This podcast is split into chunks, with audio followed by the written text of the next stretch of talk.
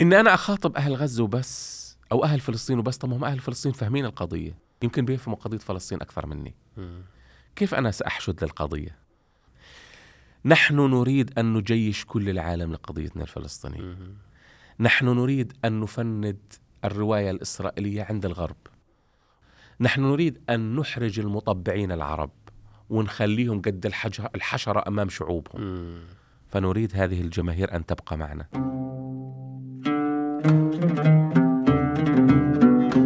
يا أهلا وسهلا مرحبا بالدكتور علاء اللقطه حياك الله وحيا الله المشاهدين الكرام. كيف الحال؟ شو الأخبار؟ الحمد لله رب العالمين. شو قصتك؟ آه، طبيب وجراحة تجميلية وتحولت على موضوع ال- الكركاتير إيش التحول الكبير هذا؟ خصوصا أنه يعني ممكن في زمن زي هيك يعني موضوع حتى جراحة التجميل يعني ممكن من ناحية مادية مدر يعني أو آه، في فائدة كبيرة.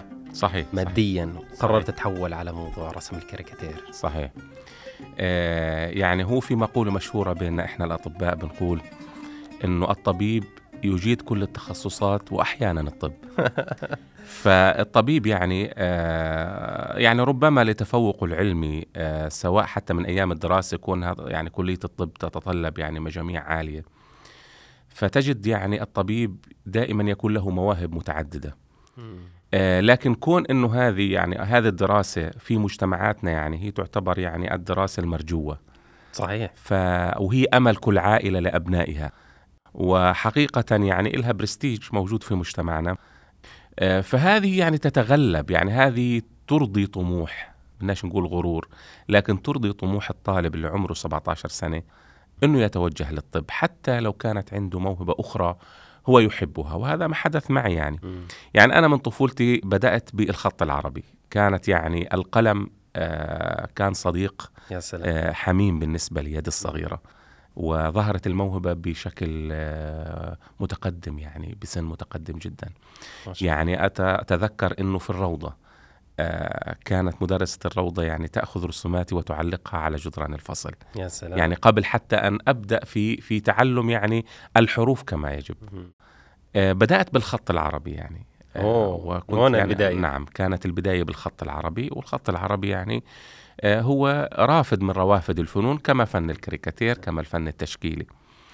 لكن ميولي يعني حبيت خط العربي. الخط العربي كان له تأثير جميل جدا علي أنه صقل يدي. الخط العربي يحتاج إلى إتقان يحتاج إلى تمكن من القلم. تعود إيدك. تعود الإيد. آه، رسم الخطوط بشكل آه، آه، إذا كان هندسي أو إذا كان دائري الانحناءات أو إذا الزوايا نعم. كان نباتي أو إذا كان آه، هذه الأمور كلها كانت كأنها تحضير لفن الكاريكاتير فيما بعد سلام. ما كانش يستهوين الرسم كثيرا كرسم أكثر من من الخط العربي لدرجة إنه يعني أتذكر كان في خطاط اسمه فائق العشي. مشهور في غزة كان من في فترة الثمانينات من أشهر الخطاطين في غزة. وجد يعني آه، بعض آه، يعني عرض عليه البعض آه، كتاباتي بالخط النسخ. فقال أنني يعني أفضل من يكتب خط النسخ في قطاع غزة. يا سلام. كنت في الثالث الإعدادي.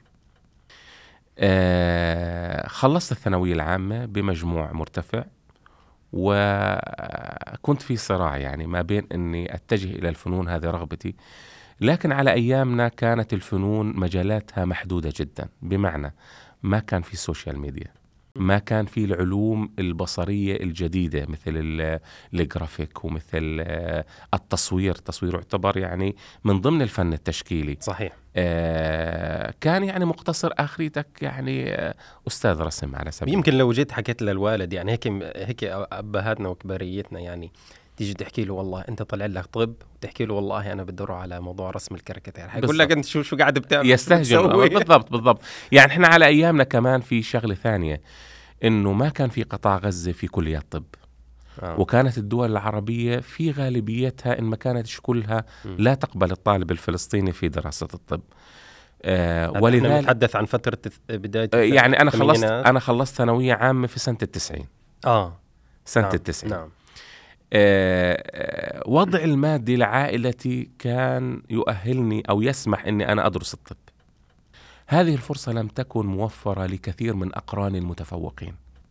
يعني كثير من أصدقائي أنا أذكرهم حتى بالاسم يعني في. بالي آه، كانوا من الأوائل يعني كنا آه، كفرسان يعني أو كفرسي رهان يعني في التسابق على المقعد الأول في الفصل بل من المدرسة لكن ظروفهم المادية لم تكن تسمح أنهم يدرسوا الطب وكانت أنا ظروفي تسمح. هذا الأمر عزز عندي قناعاتي أني أدرس الطب. وفعلا يعني توجهت إلى رومانيا ودرست الطب وتفوقت فيه يعني لأنه إحنا كشعب فلسطيني من أبناء المخيم لا يوجد أمامنا خيار آخر سوى النجاح إما النجاح أو النجاح. صحيح. وإلا سنعود إلى أزقة صحيح. المخيم. وأعتقد إحنا كان في عنا محل الوالد رحمه الله محل السمانة والحبوب في في سوق فراس. آه، كان يعتمد على العمل بالجملة وإحنا كنا نذهب نشتغل بفترة الصيف. يعني الإجازة الصيف ما كانتش محببة إلي ولا لإخواني لأنه إحنا ما كناش ننعم باللعب مثل باقي الأطفال. يعني يعطيك أسبوع بعد الامتحانات ترتاح فيه وبعد هيك من الصبح على الدكان. الدكان كانت آه، آه، العمل فيها مرهق جدا. ولأنه كنا نحمل أكياس آه، طحين وأكياس الأعلاف. في عتالة في الموضوع. في عتالة في الموضوع. آه، صح كان في عمال يساعدونا بالشغله هذه لكن هذا لا يغني إنك تحمل لك 100 كيس 150 كيس 200 كيس في اليوم. فنرجع آخر اليوم مليانين طحين والغبرة والكذا.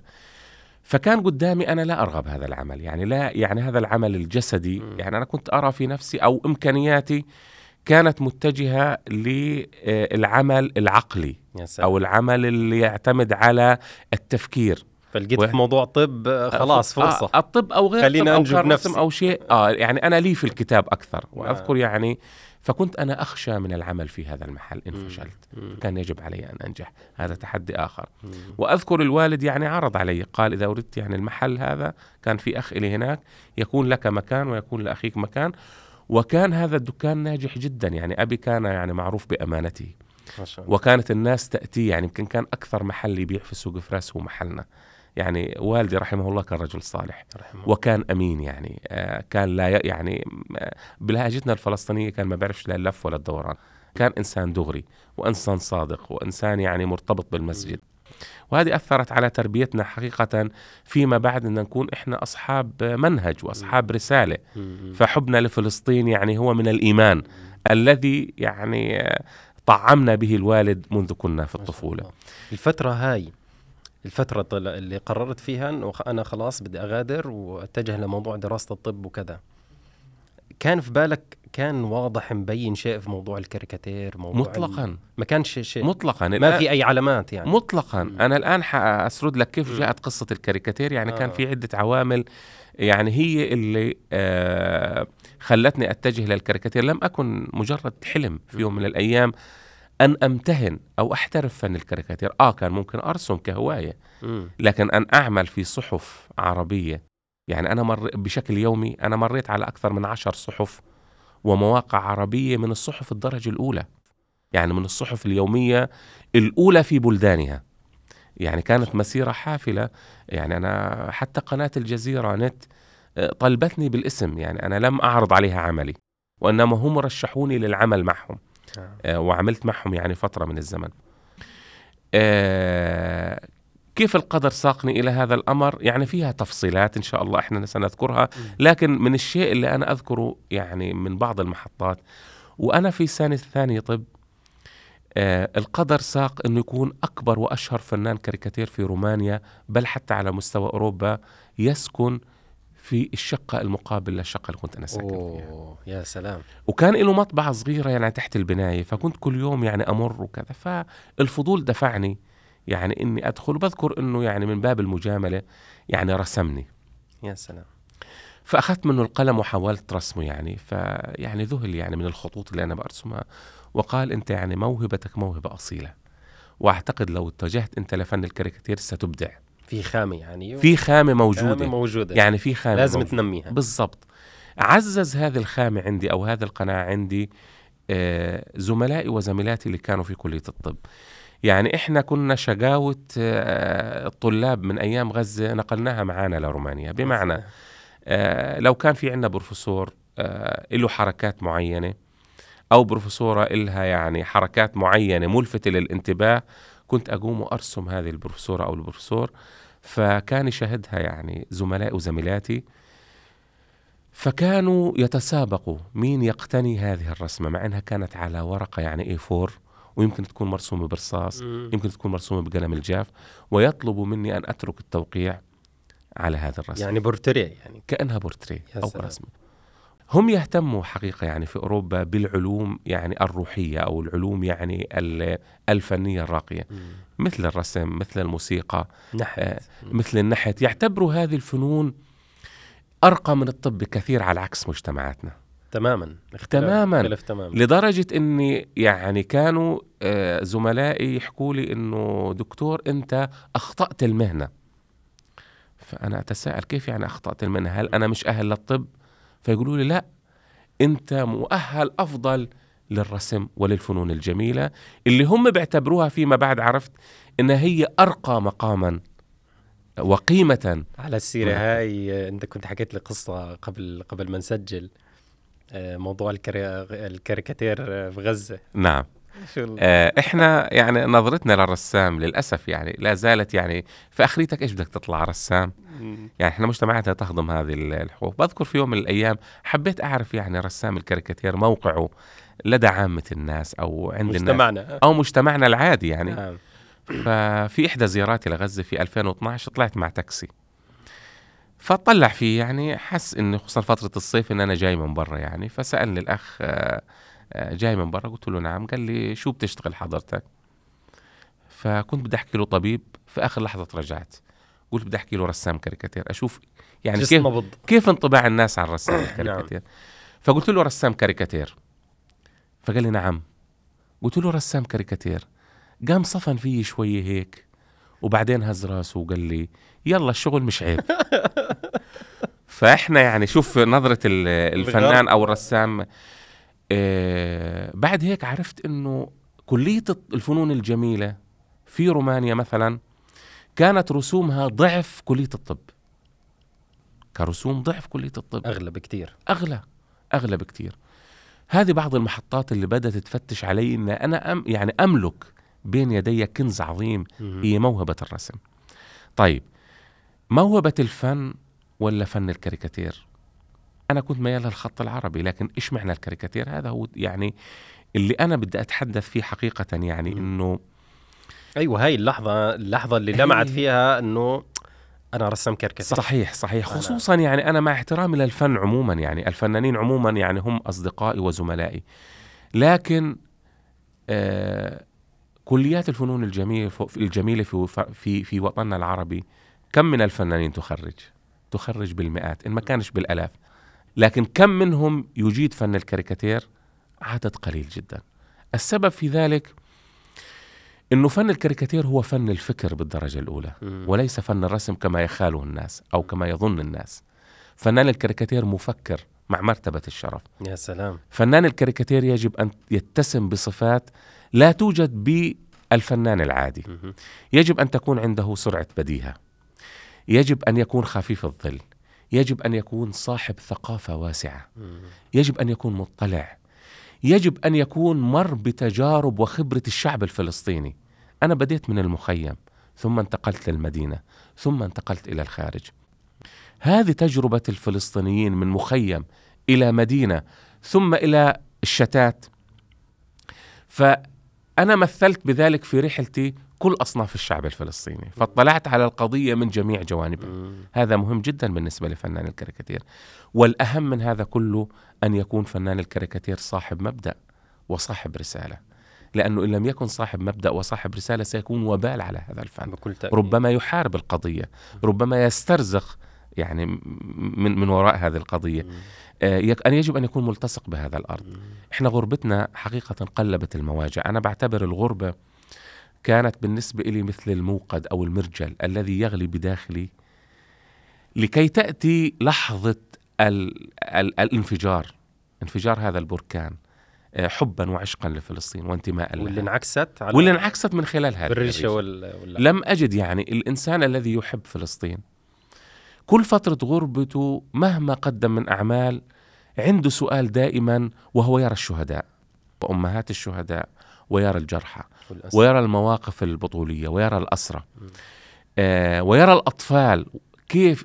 يرى النساء في الشوارع. كيف يحملنا القضية الفلسطينية؟ يشعر بالعجز. هذا العجز يكاد يقتل الفلسطيني م. الذي يحب فلسطين وهو بالخارج ولا يستطيع أن يقدم شيء. فهو يبحث في نفسه كيف أنا أستطيع أن أخدم هذه القضية. خلينا نرجع لورا شوي.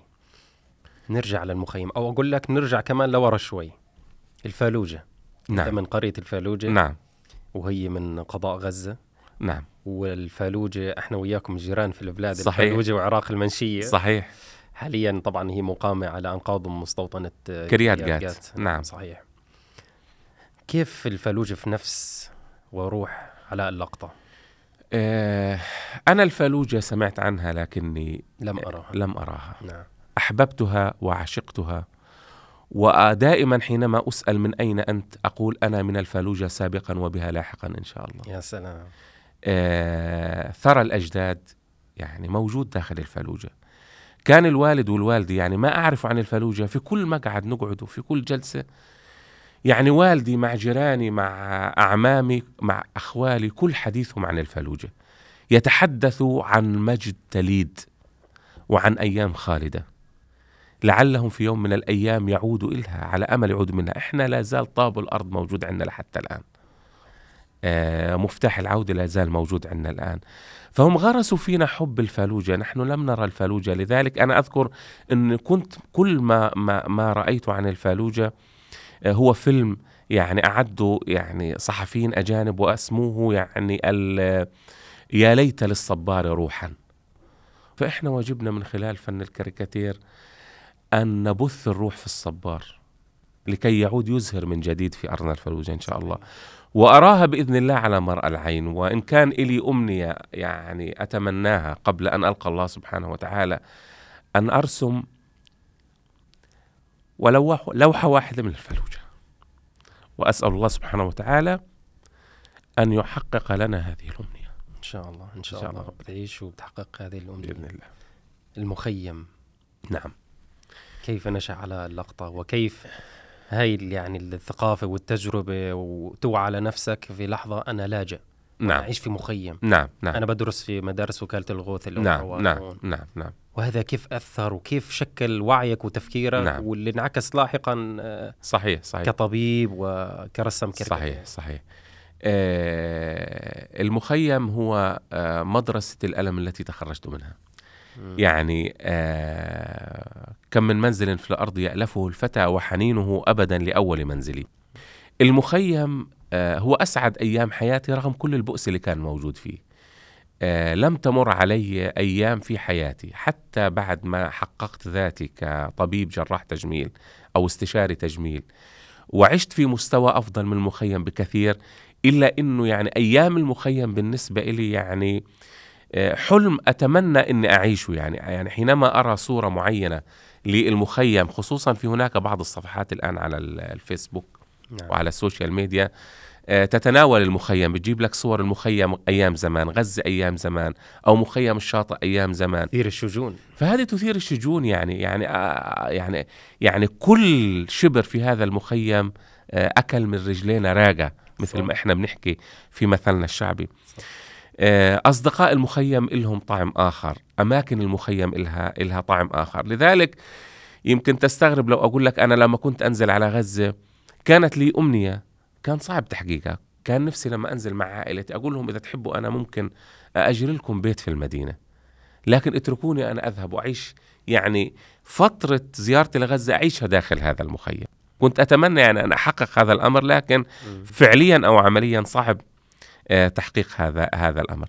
هناك منعطفات في المخيم حقيقة يعني آه، جعلتني أيضا أتجه لفن الكاريكاتير. آه، تساؤلات كثيرة كنت أتساءل يعني ليش إحنا عايشين هان؟ ليش إحنا مش زي أطفال العالم؟ ليش إحنا محرومين من كل شيء؟ كنا نروح نأكل في المؤن، إيش يعني المؤن؟ كنا نسمع وكالة غوث اللاجئين الأونروا إيش يعني أونروا؟ ليش إحنا لاجئين؟ يعني هذه أسئلة من طالب متفوق في الدراسة في ابتدائي وفي إعدادي أو في ثانوي كانت تلوح في في في ذاكرتي إيه ليش كل الناس في بلادهم ليش آه، أرتال الاحتلال آه، دائما بيجوبوا في المخيم بجباتهم استعراض قوة قبل الانتفاضة الأولى. طبعا. طبعا يعني أنت عاصرت الانتفاضة عاصرت الأولى. الانتفاضة الأولى كنت في ثالث إعدادي. آه ليش؟ آه ليش بيعتقلوا فلان؟ ليش فلانة ابنها آه في بيروت وبتقدرش تتصل فيه؟ بتجيها رسالة مشفرة. آه ليش أنا في, في بيجينا ملثمين على المدرسة؟ آه وإحنا في ابتدائي في يوم 29 11 آه أو في في ذكرى التقسيم أو في ذكرى آه يوم الأرض شهر ثلاثة 30 ثلاثة. ليش بيجوا بدقوا على باب الصف وبكون ملثم أو حامل علم فلسطين؟ وبقول يلا اطلعوا برا بطلع على المدرس اللي إحنا كنا بنخاف منه ما بيقدرش يحكي ولا كلمة وبنطلع نهلل قدامه. معنى الكلام في إشي بخوف أو في شيء أعظم من الأستاذ ممكن يعطينا أوامر. م. إحنا كنا نطلع أنه الأستاذ هو أعلى إشي ممكن يعني فيش قرار بيجي قرار أعلى منه إلا المدير. فبنطلع إحنا نزعق وبنطلع نهتف قدام المدير وقدام الأستاذ بكونوا واقفين ومكتفين إيديهم. يبقى في حاجة في سر في الموضوع. في شيء أكبر. في شيء أكبر. الأكبر هو فلسطين وهذا المناضل. يعني هذه كلها تساؤلات. أنا بذكر استشهد ناجي العلي وأنا في الثانوية العامة. طبعا لناجي العلي تأثير كبير على تجربتك. لماذا اغتيل؟ طيب هذا الراجل مكان إحنا نتفهم إنه في فدائي معاه سلاح. هذا لا يملك إلا الريشة. ريشة ناعمة. لا يملك إلا قلم رصاص.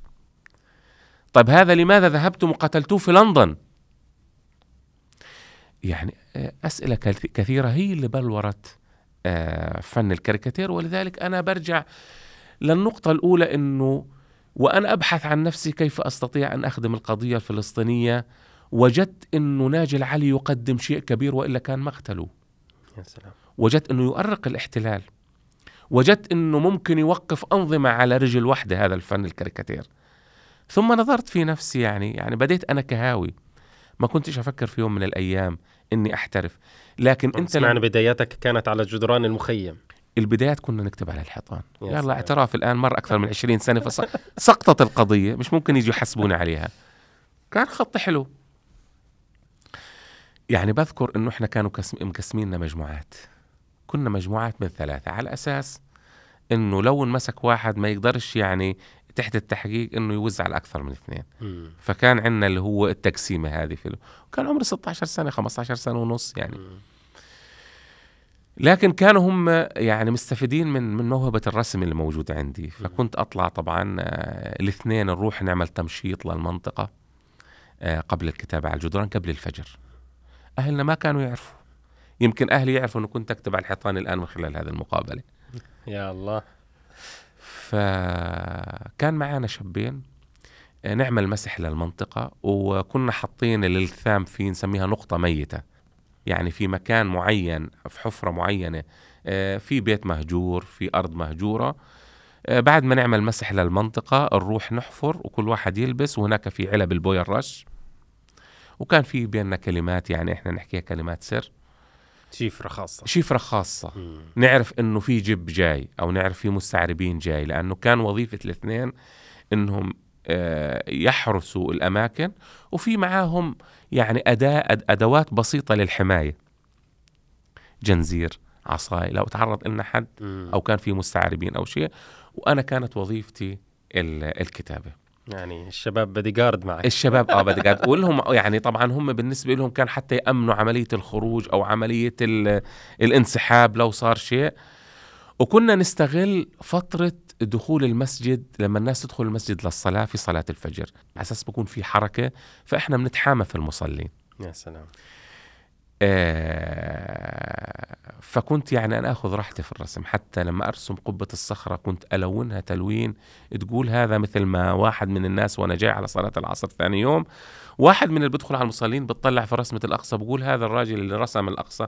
طبعا أنا جنبه واقف مشان قال هذا كان ناقص تجيبوا له أرجيلة. هذا باقي قاعد مخيف ولا كأنه في مستعربين ولا كأنه في احتلال ولا كأنه في شيء. وكان يرسم الراجل يعني بأقل من من مهله. آه هذه كانت يعني بداية رسم الكاريكاتير. بذكر كنت أرسم آه شمير. أيام كان شمير هو في سنة ال 89 كان هو رئيس الوزراء. فطبعا على كثر ما هو بشع كنا نبشعه أكثر في الرسم يعني. كانت هذه هي البدايات. وبرضه ما كنتش أفكر أنه يعني هذا الفن على الجدران سيصبح بعد ذلك يعني على اللوحات. صفحات الجرايد سي... آه، سنرغم بعد ذلك المشاهد والقارئ العربي أن يمسك الصحيفة من الخلف مم. يقرأها من الخلف بالعكس بلش في البداية بسبب رسم صحيح. الكاريكاتير لأن إحنا كنا نختزل له كل أحداث. آه، اليومية اللي تحصل في خطوط بسيطة مم. ولذلك فن الكاريكاتير هو يعني فن الضحك المر فن يعني الضحك المضحك المبكي. خطوط بسيطة لكن نستطيع من خلالها أن نقول ما قد لا تقوله عشرات المقالات. صحيح. آه، كل تفضل. أه وجدت أه بديش اقاطعك أنا بدي إياك تسترسل وتكون مرتاح. لا أنا ماخذ راحتي. واشرب شايك صحيح. إن شاء الله.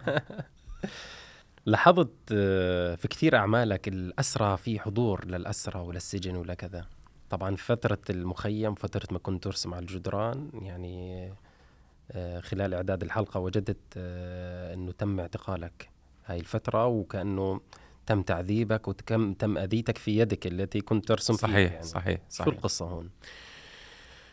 آه، في آه، سنة آه، في سنة 1988 مم. آه، بالأخص يعني تحديدا في 27 2 1988 تاريخ لا أنساه يعني. آه، كانت في هناك مواجهات في آه، في آه، حارتنا في المخيم وإحنا حارتنا جاية في منتصف المخيم أمام السوق يعني موقع استراتيجي ولا زال بيتنا لحتى الآن نملكه يعني وموجود حتى الآن. نعم. حصلت مواجهات وأعتقد إنه الشباب المخيم قبلوا بلاء حسن. يعني رزقوا الجنود الاحتلال ترزيقة آه، إحجار ومسامير وربما كان مولوتوف يعني لا يعني كنت أنا صغير لا. فاستدعوا قوات كبيرة وجاءوا لكي يفرضوا حظر التجوال على المخيم.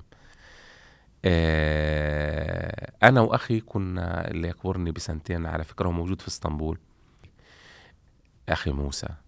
الباشمهندس موسى. كنت يعني كنا نعتقد إنه جيراننا كلهم اللي كانوا في المواجهات رجعوا على بيوتهم. لكن هم كانوا سايبين المخيم وأثناء ما الجب كان ينادي على حظر التجوال هم هربوا من المخيم. لكن إحنا دخلنا البيت كنا مفكرين إنه الجميع في البيت. ولذلك لما جاءت أرتال جيش الاحتلال وبدأوا يكسروا في الابواب البيوت ويدخلوا على البيوت كنا إحنا الوحيدين الموجودين في الحارة. فاستفردوا فينا وكان كل غل اللي كان موجود عندهم يعني آه، كان علي وعلى أخي يعني فضربنا ضرب مبرح. وأذكر إنه الدبسة كانوا يسموها الدبسة. العصي أو الهروات بسموها الدبسة. عندنا في المخيم. وعلى فكرة حتى كلمة مخيم هذه كلمة جديدة. على أيام الانتفاضة الأولى كانوا يسموه معسكر. معسكر آه. يعني معسكر مخ- اللاجئين. معسكر اللاجئين. م. كلمة مخيم هذه أتت فيما بعد. فكانوا ال- ال- الدبس اللي معهم من الخشبية كان الجنود يدقين فيها مسامير. يعني وحطيت- جد دبس دبسه آه يعني. بحيث إنه لما يضربك يأذي. ال- يأذي يعني المسمار لما يضرب يدميك. يدميك نعم. فكان طبعا الضرب كله على الوجه وعلى الرأس فإحنا كنا نتلقى بايدينا فكانت الجراح يعني أنا طبعا أشوف الدماء لكن مش عارف من وين الدم يعني كان سواء بالنسبة. أنا كان بالي كله عند أخي وأخي كان باله كله عندي وكنا صغار يعني. أخي كان يعني عمره أيامها 18 سنة وأنا كان عمري 15 سنة. هو من كثر الضرب نقلوه على المستشفى. وأنا لصغر سني أخلوني. فطبعا نقلوني وكان في طبيب في في آه، في المخيم أخذوني عليه رحمة الله عليه كان دكتور من دار الن- النصار. عرفت فيما بعد إنه الآن متوفى يعني. وغرز لي إيدي لكن حتى الآن هذه الغرز لا زالت بارزة في كف إيدي آه، في إصبعين من الأمام وفي إصبع من الخلف. أعتقد كان ست غرز. آه، هذه الغرز يعني آه، كأنه الله سبحانه وتعالى جعلها بالنسبة لي تحولت إلى موهبة. تحولت إلى موهبة. مم. وكأنها أصبحت بالنسبة لي تذكار. كلما أردت أن أنسى فلسطين تذكرك. تذكرني. يا سلام. كلما آه، جاءني شيطان يحاول أن يثنيني آه، أو يغير مسار ريشتي هذه اليد تذكرني يعني آه، كانوا يسألوني أحيانا يستغرب ولحد الآن يعني لحد هذه المقابلة كثير من المتابعين على مواقع التواصل الاجتماعي بفكروا إنه أنا عايش داخل فلسطين. حتى في زيارتي على ال... لما كتبت ان أنا طالع على لبنان في آه، في الحدث اللي حدث منصة لمة. اللي أحيته لبنان. عن فلسطين في ناس علقوا لي قال أنت حتطلع عن طريق معبر رفح يعني كيف لسه- يعني؟ كيف إن معك؟ أن أنا لسه معروف إن أنا داخل فلسطين هذا الأمر يسعدني معنى الكلام إنه أنا أرسم كأني عايش بين الناس يا سلام فلما يسألوني يعني كيف أنت خارج فلسطين وتستطيع أن ترسم بنبض الناس اللي موجودين جوا فكنت أقول لهم أن فلسطين تبعد عني 30 سنتي اللي هي المسافة ما بيني وما بين يعني كف إيدي المكلوم وهذا الجرح في يدي هو الذي جعلني أن أستشعر جروح الشعب الفلسطيني بشكل أكبر. يعني هذا ست غرز هناك من بترت أقدامهم. هناك من الأسرى اللي سألت عني من يعني آه، عاشوا زهرة شبابهم داخل السجون. ولا أمل لهم بالخروج إلا بصفقة قريبة أو بتحرير قريب. إن شاء الله. هناك ما في عائلة إلا يعني فقدت شهيد أو جريح أو مطارد. وهؤلاء هم النجوم يعني الحقيقيون مم. لقضيتنا الفلسطينية فلهيك دائما يعني الأسير آه، فكرة ال- الأسير الأسير، والأسر حاضر دائما بالضبط جدا بالضبط. ولأن لأنه الأسير آه، بعيد عن أهله وأنا كمغترب إلى حد ما يعني أقاسي آه، مرارة يقاسي؟ مرارة البعد. يعني قد يكون ال- العامل المشترك ما بين المغترب وما بين الأسير هي الاشتياق للأرض. والاشتياق للمسجد الحي والاشتياق للمخيم والاشتياق للأهل. كل هذه المحروم منها الأسير محروم منها المغترب كذلك يعني. صحيح. من غزة إلى رومانيا. صحيح. كيف هالتجربة كانت؟ كيف هالغربة؟ وكيف سنوات الدراسة كانت؟ آه وكيف حملت فلسطين معك يعني من المخيم إلى رومانيا؟ صحيح صحيح. يعني آه كانت رحلة حقيقة يعني آه صعبة جدا.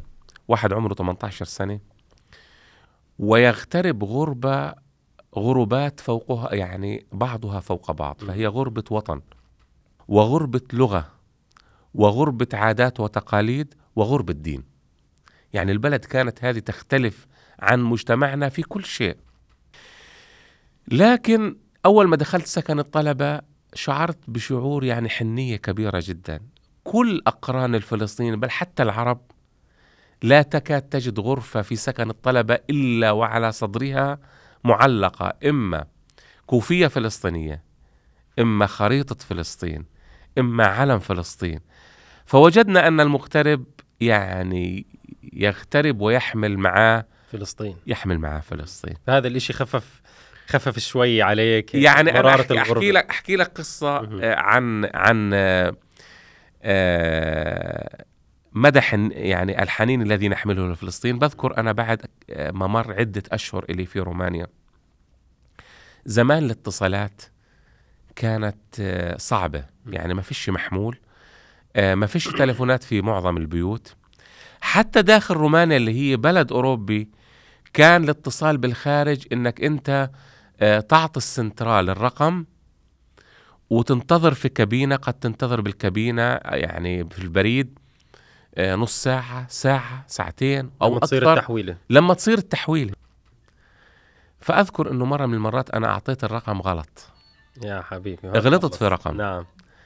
فبعد ما مر ساعة أو ساعتين فتح الخط. طبعا فتحة الخط عندك معك ثلاث دقائق. إن شاء الله تحكي ثانية واحدة. مم. انحسب عليك ثلاث دقائق. فردت علي حجة كبيرة. فقلت لها دار اللقطة قالت لا يا بني. انت إيش الرقم اللي طالبه؟ قلت له كذا كذا. قالت لي لا إحنا رقمنا بنتي بكذا. قلت لها طب يا حجة أنا بكلمك من رومانيا وفي معي ثلاث دقائق وأنا مشتاق لأمي. ممكن أتكلم معك الثلاث دقائق يا الله. يعني ممكن نقعد نحكي مع بعض. أنا بعرف كيف بتعرفنيش بس اعتبريني ابنك. فعشان يعني إنه أنا أحب أقرب لك الصورة إنه إحنا لأي درجة كنا حابين نسمع صوت حجه كبيرة. أه لما رجعت على غزة أنا دمعت عيني. يعني وأنا أشوف ال- الستات اللي لابسات الثوب الفلسطيني أو لابسات خلينا نقول القنعة والداير اللي كانت م- م- مشهورة في في المخيم.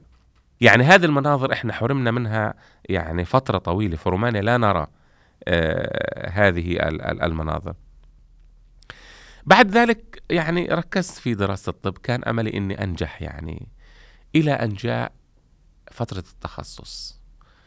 آه فكرت يعني إيش بدي أدرس دراسة أشبع من خلالها شغفي بالفن. فاخترت جراحة التجميل. قلت هذه الرابط آه. قلت فيها رسم لا زال يراودني يعني رغم مرور يعني سبع سنوات سنة لغة وست سنوات في الكلية لكن لا زلت أحن إلى الفن. فدرست جراحة التجميل لعلها تشبع بعض الفن لكن الجراحة تبقى جراحة. تبقى جراحة. بعد هيك دخلت الفضائيات. صرنا نشوف التلفزيون آه، قبل هيك يعني لحديث ما وصلت سنة خامسة طب حتى القنوات العربية ما كنا نشوفها. حتى نش... منتصف التسعينات. آه منتصف التسعينات م. في ال 94 في ال 95 يعني كنا كان في لي صديق معاه راديو شارب ترانزستور. كان يلقط بعض المحطات العربية فكنا كنا نتجمع الصبح قبل ما نطلع. على الجامعة حتى نستمع لأخبار البلد. بس مونت كارلو كانت أيامها بي بي سي أو بي بي سي العربي. بس حتى إن نسمع أخبار أو شيء يبل من من ريقنا وإحنا طالعين للدوام نعرف إنه إيش في صار في بلادنا إيش صار في حكم التجول إيش صار. بعد هيك انتقلت صار في التقدم التكنولوجي صار في أول شيء بدأت الفضائيات. فصار في عندنا دش. طبعا الدش كان غالي ما نقدرش عليه. صحيح. فكنا إحنا شباب نتشارك كلنا آه، ونمد منه أسلاك. هذا أنت بتحكي في ال في, في ال 95 نعم لا في في رومانيا. في رومانيا. نعم. بعد هيك دخل الإنترنت فقلنا أوه, أوه إحنا وين كنا وكيف صرنا؟ آه نعم. صرنا نستطيع نتواصل مع أهلنا. صارت في هناك مواقع إلكترونية للصحف العربية. صرت أنا أدخل وأط... كل يوم خلاص الآن من من راديو ترانزستور صرت أدخل أتصفح الصحف العربية أتصفح صحف أخبار فلسطين فصرت مرتبط أكثر بالقضية الفلسطينية. بدأ شغف فن الكاريكاتير طبعا وأنا بتصحف في الصحف. إيش أكثر شيء بيجذبني؟ رسم الكاريكاتير. بلش من الصفحة الأخيرة. أبلش من الصفحة الأخيرة. نعم. فصرت بعد ذلك أبحث عن نفسي. طب أنا والله أنا أستطيع أن أرسم أنا مثل هؤلاء. وخصوصا إنه في خلال فترة الاختصاص كنت أرسم لبعض الصحف الرومانية بشكل متقطع كهواية.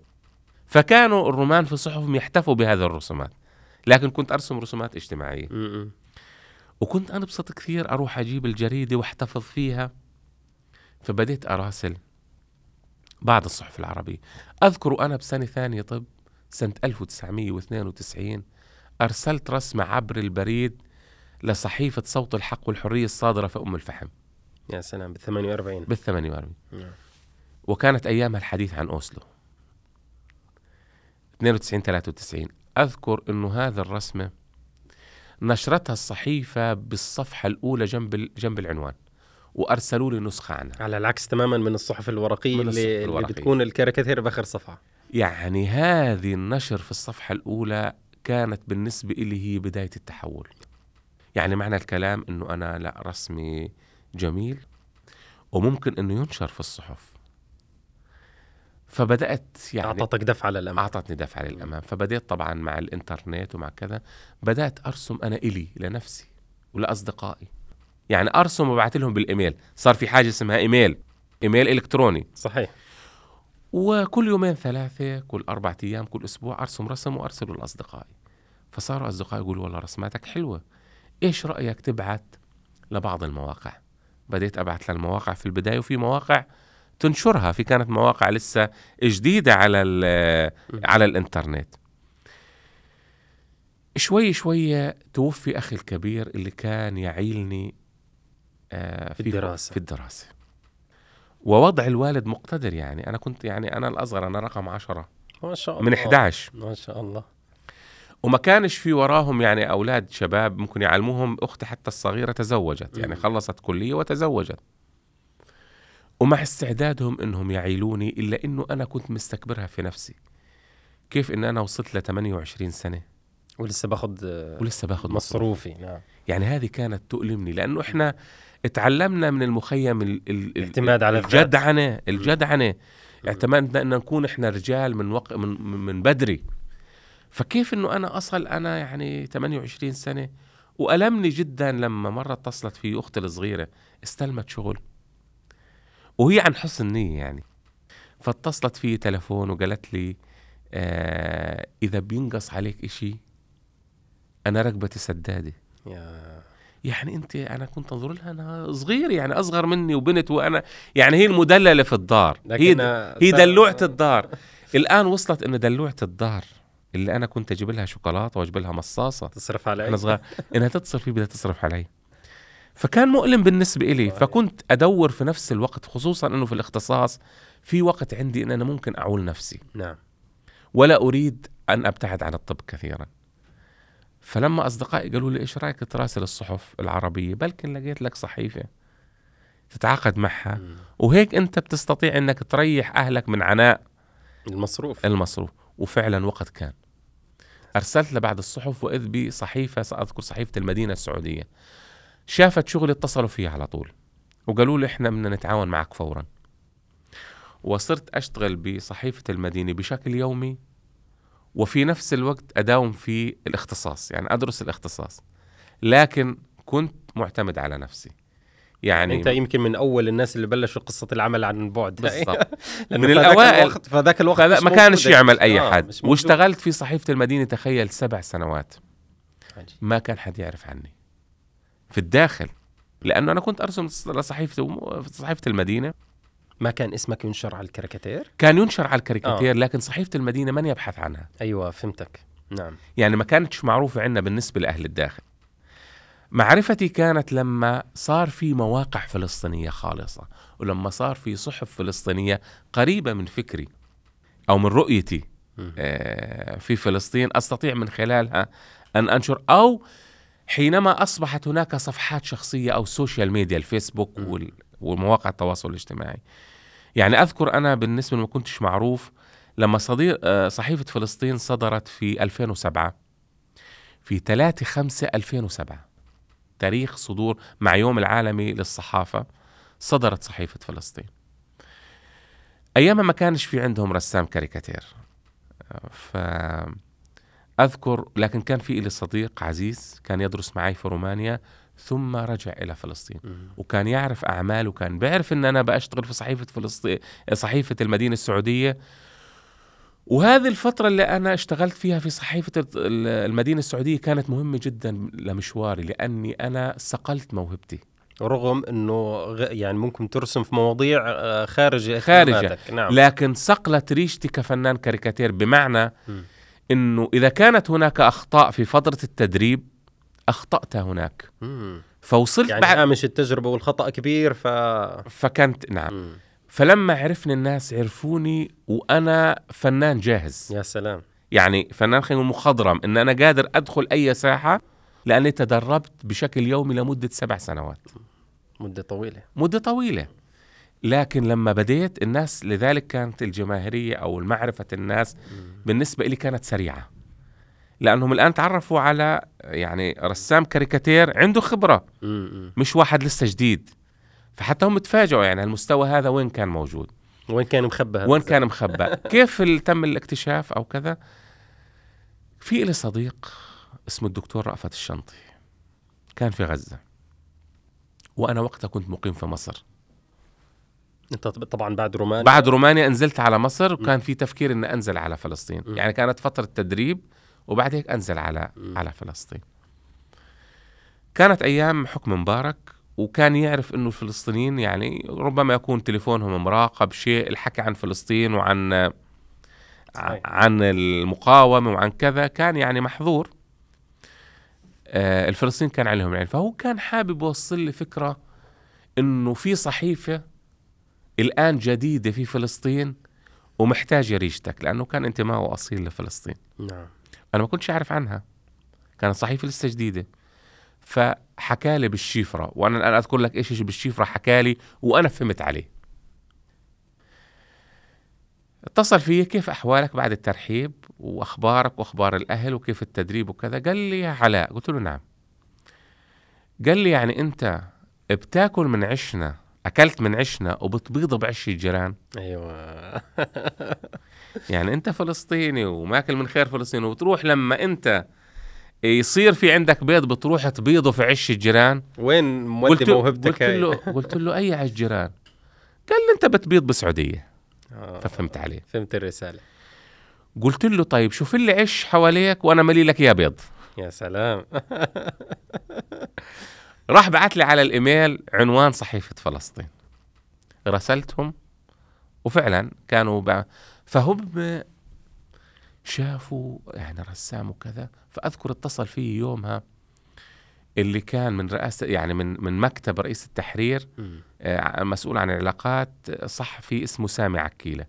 وعلى فكرة هو صديقي لحتى اليوم. فاتصل وبدأ يسألني شوية أسئلة يعني شاف رسم متقدم جدا لكن لم يسمع عن الرسام لم يسمع عن الرسام ليش أنا طالع من التسعين فغيابي عن. وطالع عمري 18 سنة والآن أنا صار عمري تقريبا يعني آه، يعني صار فترة انقطاع عن فلسطين 8 أو 9 سنوات.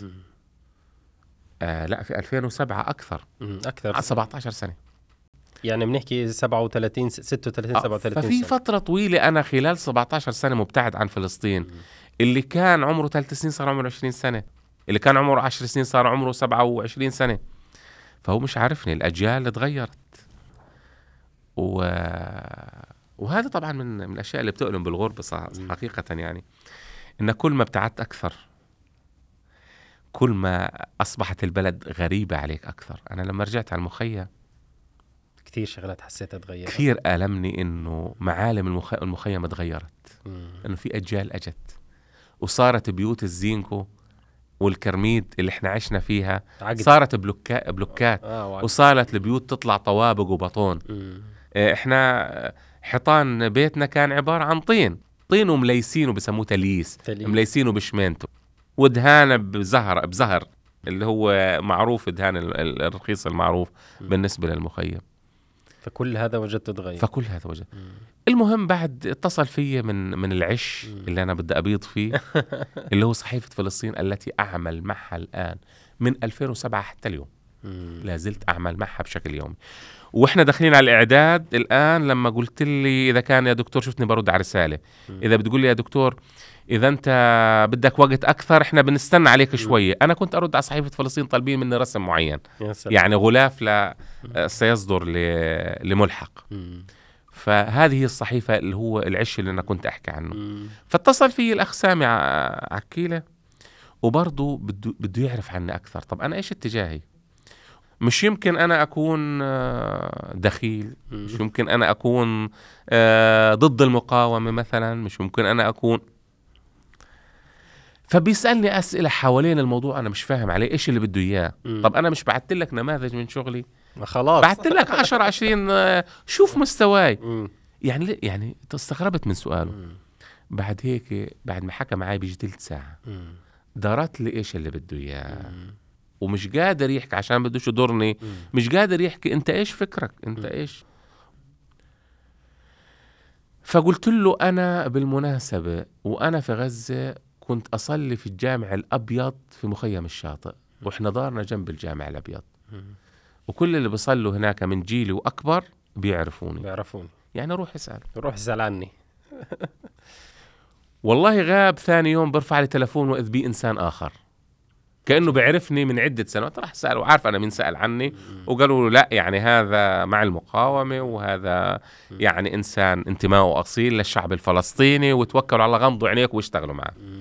وقت كان. هاي السنوات سنوات الغربة يعني إحنا بنحكي تقريبا آه، كم ضليت متغرب؟ من وقت التسعين لمنتصف الألف الفين وخ- بعد ال 2007 تقريبا. هذا لما بديت أشتغل مع صحيفة فلسطين. نعم. إنما أنا مغترب حتى الآن. ن- طبعا أكيد. لكن هاي سنوات الغربة فترة الدراسة وما بعدها وكذا يعني آه، كيف كيف تشكل فيها فكرة؟ كيف توجهك نعم بالنسبة نعم. لموضوع القضية الفلسطينية؟ آه يعني أنا بعتبر رومانيا صقلتني فكريا. مهم.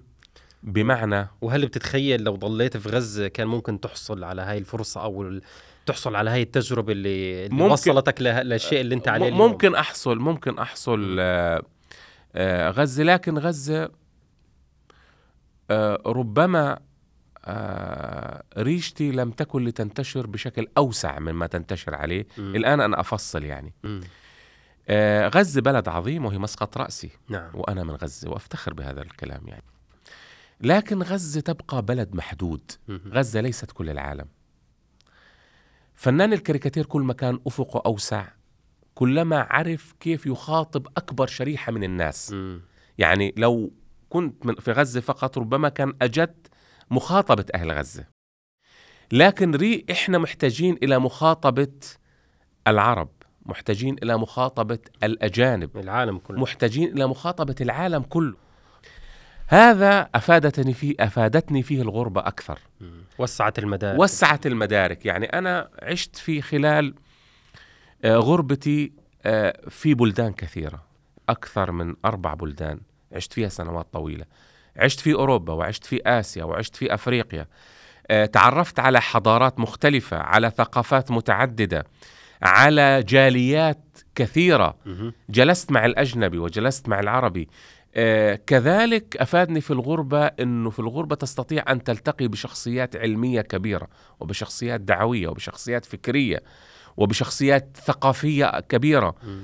وتستطيع أنك من كل محاضرات يعني تستمع إليها أو من مخالطة أو من كل كلام أنك تأخذ زهرة من كل بستان فتتكون شخصيتك. يا سلام. يعني الفكر المتزن الفكر الوسطي آه، أنا أعتقد أنه سقل بالنسبة إلي خارج فلسطين. خارج فلسطين. آه، كيفية التعامل مع الناس بكل شرائحهم لأنه آه، أنا عشان أقدم لك أعرف آه، كيف أؤثر فيك يجب أن أعرف كيف تفكر أنت. فأنا أعرف كيف تفكر الجاليات العربية وأعرف كيف يفكر الجزائري.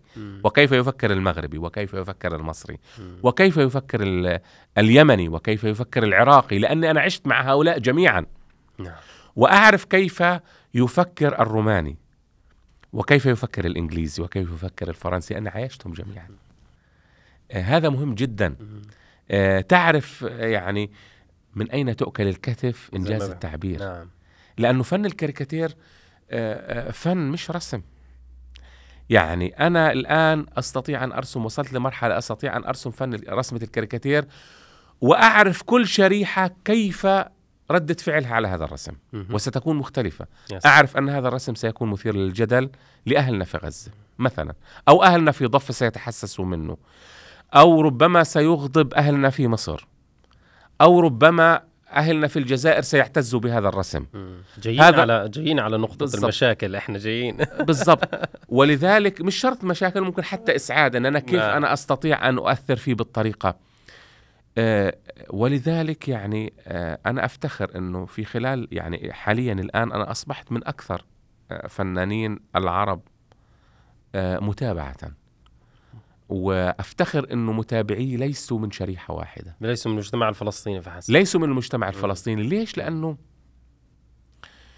إن أنا أخاطب أهل غزة وبس أو أهل فلسطين وبس طب هم أهل فلسطين فاهمين القضية. مم. يمكن بيفهموا قضية فلسطين أكثر مني. مم. كيف أنا سأحشد للقضية؟ نعم. نحن نريد أن نجيش كل العالم لقضيتنا الفلسطينية. مم. نحن نريد أن نفند الرواية الإسرائيلية عند الغرب. نحن نريد أن نحرج المطبعين العرب ونخليهم قد الحشرة أمام شعوبهم. فنريد هذه الجماهير أن تبقى معنا. لذلك أنا ريشتي ليست لفلسطين للفلسطينيين وحدها هي لفلسطين نعم. لكن ليست للفلسطينيين وحدهم. كذلك نحن نريد أن نخرج من ثوب الفكر الواحد أو التنظيم الواحد.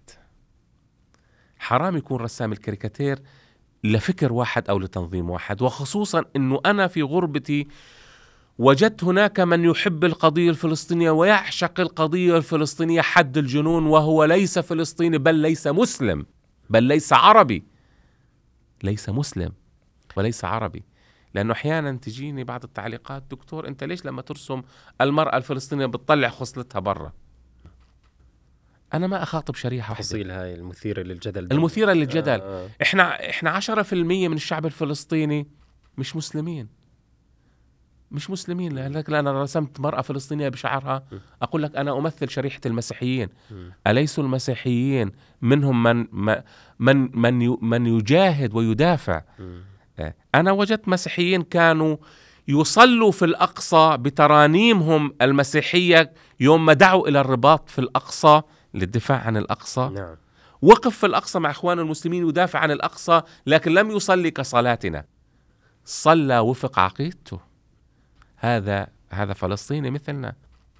المسيحي في مخيم الشاطئ أو في غزة كان يتحاصر معانا. مم. في شهداء شيرين أبو عاقلة مسيحية ولا مش مسيحية؟ صحيح. أليس مش هي كانت ترفع الصوت الفلسطيني؟ نعم. إحنا نريد رؤية أوسع مم. لقضيتنا الفلسطينية أنا هذا الكلام أصحح فهو يعني الطلعة من غزة هي اللي وسعت لك هذا وسعت يعني هذا المجال. لو ضليت في غزة ما كان ه... ربما. لا لم تتاح لي الفرصة بهذا القدر مم. بهذا القدر دكتور بتتخيل غزة هسه تحولت أو الوطن بشكل عام تحول لمقبرة للشباب والأحلامهم وطموحاتهم هم يريدوا أن يجعلوها مقبرة مم. الحصار هدفه هدفه أن يوصل الشباب الفلسطيني إلى حالة اليأس أنا جئت من لبنان أول امبارح امبارح نعم. أول امبارح أول امبارح وصلت من لبنان ما يشن على أهل غزة وعلى أهل الضفة وعلى أهل الداخل وعلى دول الطوق من مؤامرات أراها متشابهة إما حرب حصار اقتصادي القضاء على طموح الشباب القضاء على فرص العمل للشباب ضرب البنية التحتية لهذه الدول الهدف منها أن يهاجر هذا الشباب العربي يبحث عن فرصة حياة في الخارج.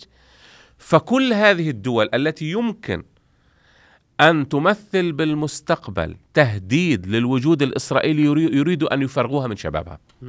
يعني مش بس إحنا بنحكي عن فلسطين حكولي في- أو غزة. لا أنا حكيت في لبنان. نعم. أنا جلسنا مع لبنانيين اللي كانوا مشاركين معنا في الفعالية فسألناهم رحنا على لبنان الليرة ضاربة.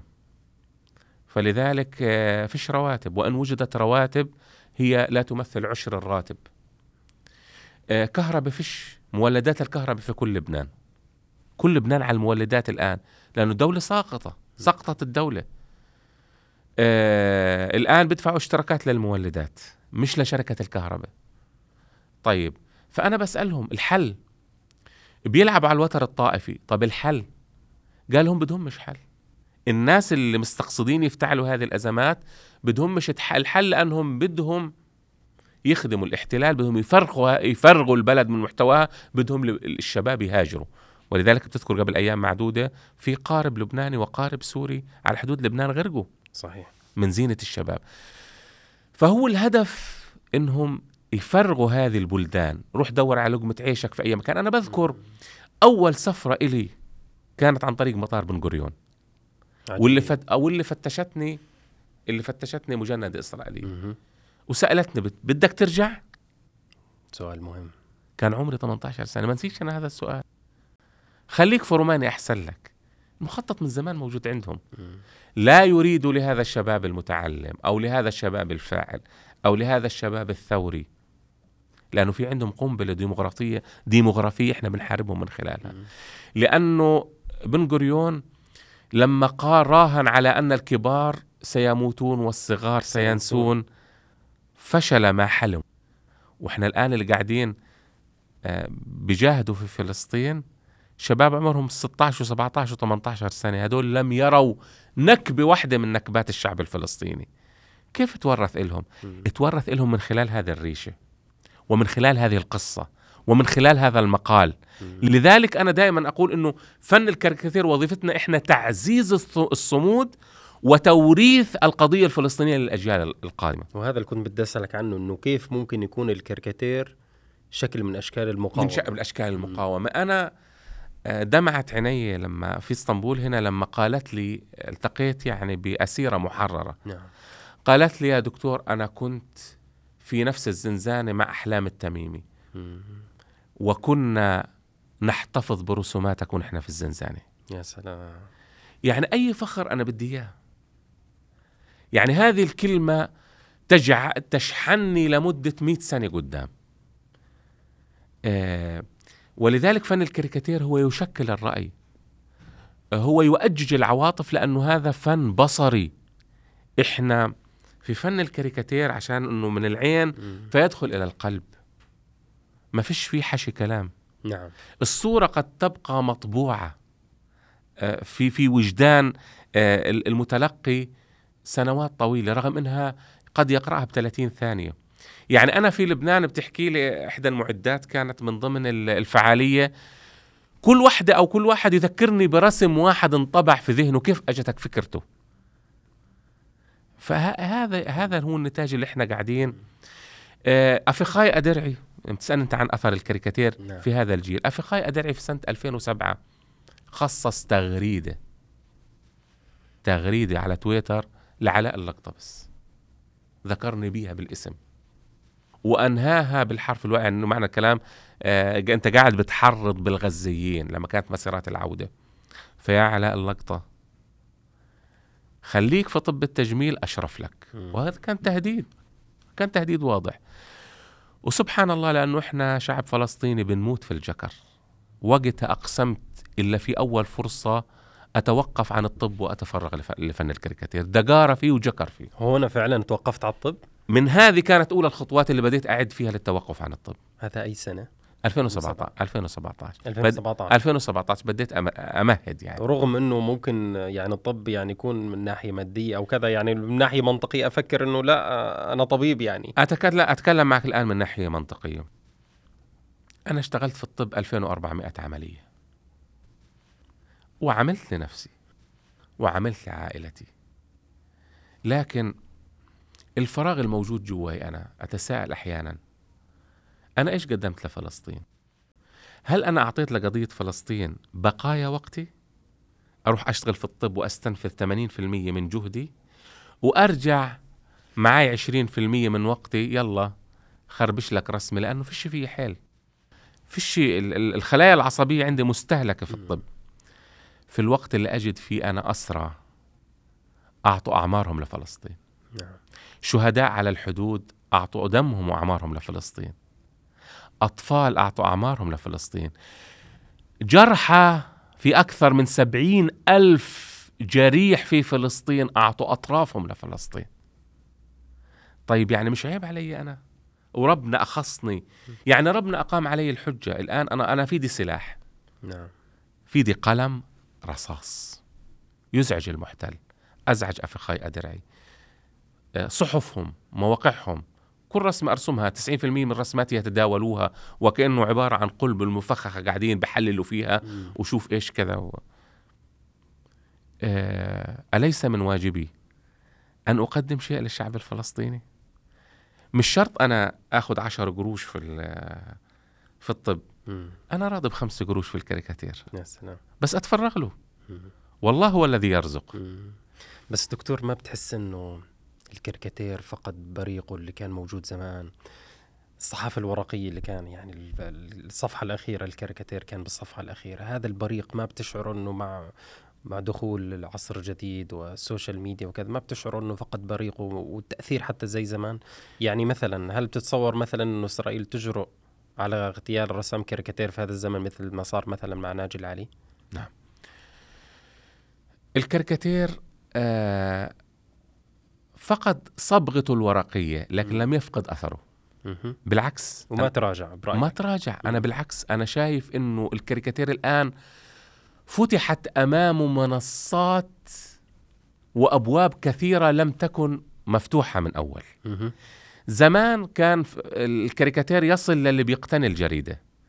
الآن الكاريكاتير يصل إلى الطفل وإلى المرأة وإلى الشيخ وإلى العجوز بتكة زر. زر. الآن الكاريكاتير آه، أصبح هذا الرسمة أنا أشتغلها وبعد خمس دقائق أجد الفلسطيني اللي في أمريكا واللي في البرازيل. أجي جلس معاي دكتور اسمه دكتور أحمد شحادة. ما شفتوش قبل هيك. هو طبيب من البرازيل جاي يحضر لمة في لبنان. أجي جلس نفسه وعرفني بنفسه صرنا أصدقاء. قال لي دكتور إحنا بنتابعك في البرازيل. زمان ما كانوش يقدروا يتابعوه في البرازيل ال- اللي هو ال- الصحافة الورقية. نعم. لا الآن انفتحت إحنا أمامنا آه، يعني آه، فضاءات أوسع وأرحب. وشغلة ثانية إنه فن الكاريكاتير لا لا يحتاج إلى ترجمة. أنا منتهج بأسلوبي بفن الكاريكاتير. أسلوب الفن الصامت. كاريكاتير الفن الصامت جماله أنه لا يحتاج إلى ترجمة. فيفهم بكل لغات العالم. هذا اللي أزعج الاحتلال. أنت عارف بعد سيف القدس إيش أكثر شيء أزعج الاحتلال بعد معركة سيف القدس؟ نعم. أنه لأول مرة في تاريخ الاحتلال شخصيات اعتبارية معروفة لدى كل العالم تقف في صف الشعب الفلسطيني. آه مثل اللي شفناهم في هوليود. مم. فنانين أمريكان. مشاهير. بيلا حديد مؤثرين. وغير مؤثرين. مم. مؤثرين وقفوا بوضوح مع القضية الفلسطينية هون بلش بلشنا نشعر إنه الروايه الروايه الفلسطينيه بدأت تسعى بدأت تنتشر وبدأت تتأثر. يسحب البساط من تحت ال... من تحت قدم ال- ليه؟ لأنه في صوت فلسطيني الصوت الفلسطيني هذا من خلال فن الكاريكاتير من خلال المسرحية من خلال المقال من خلال الصورة وهون بدي أسألك ما فكرت تتوجه لموضوع ال- يعني الكاريكاتير اللي تكتبه بلغة أجنبية أو بلغات ثانية كذا؟ مش باللغة. مم. المشكلة تريد أنت منبر منبر يتابعه الأجانب. أيوه. ما حكينا هسه إحنا حكيت أنت في موضوع السوشيال ميديا آه يعني أنا السوشيال السوشيال الميديا حتى أنا أستطيع أن يعني كثير من ال من التعليقات بتجينا على الفيسبوك أو من الرسائل دكتور ليه ما تترجم؟ ماشي بترجم لكن يبقى إنه بيصل مترجم بطريقة فردية. لكن الصحف الكبرى في الدول الغربية والمواقع الكبرى لا زالت تحت أيدي الصهي- الصهيونية ولذلك نحن الآن. معركتنا الآن نقاتل نريد منابر توصلنا للقارئ العادي الأجنبي هم يعمل ما فكرت في موضوع السوشيال ميديا يعني المنصة أنت الآن منصة سيبك من الصحف الأجنبية الورقية واللي اللي. يعني في هيمنة للرواية الإسرائيلية عليها أنت الآن كنت بتحكي عن موضوع السوشيال ميديا والفيسبوك وكذا ما فكرت بهذا الموضوع تكون هاي منصة لك للعالم الآخر لا آه، هي تلزم هناك منصات. كبرى مم. بأموال طائلة مم. إيه وين هان نسأل إحنا مم. وين أموال ال-. أين أموال المنظمة وأين أموال السلطة وأين أموال الأموال العربية مم. ما فكرتوا تعملوا لكم وكالة أنباء أجنبية مم. أنا ليش سألتك هون لأنه أنت بتشعر أنه الإنسان الفلسطيني أو المتلقي أو المشاهد أو كذا أو الع... حتى الإنسان العربي أشبع. يعني إحنا خلص يعني إحنا كنا متضامنين مع القضية الفلسطينية وفاهمين قضية الأسرة وقضية الكذا لكن إحنا الآن في معركة معركة على الرواية. صح. صحيح. معركة على الرواية وبدنا نكسب جمهور صحيح. جديد. يعني أنا أقول لك أنا رسمت لبعض مثل مثل آه، آه، آه، أصد... موقع أصدقاء فلسطين يصدر حتى الآن بثلاث لغات. نعم. وأنا أرسم له. منها الإنجليزية والإسبانية والروسية. أها. أنا هذا أرسم له الموقع. نعم. وهناك بعض المواقع الآن موجودة. مم.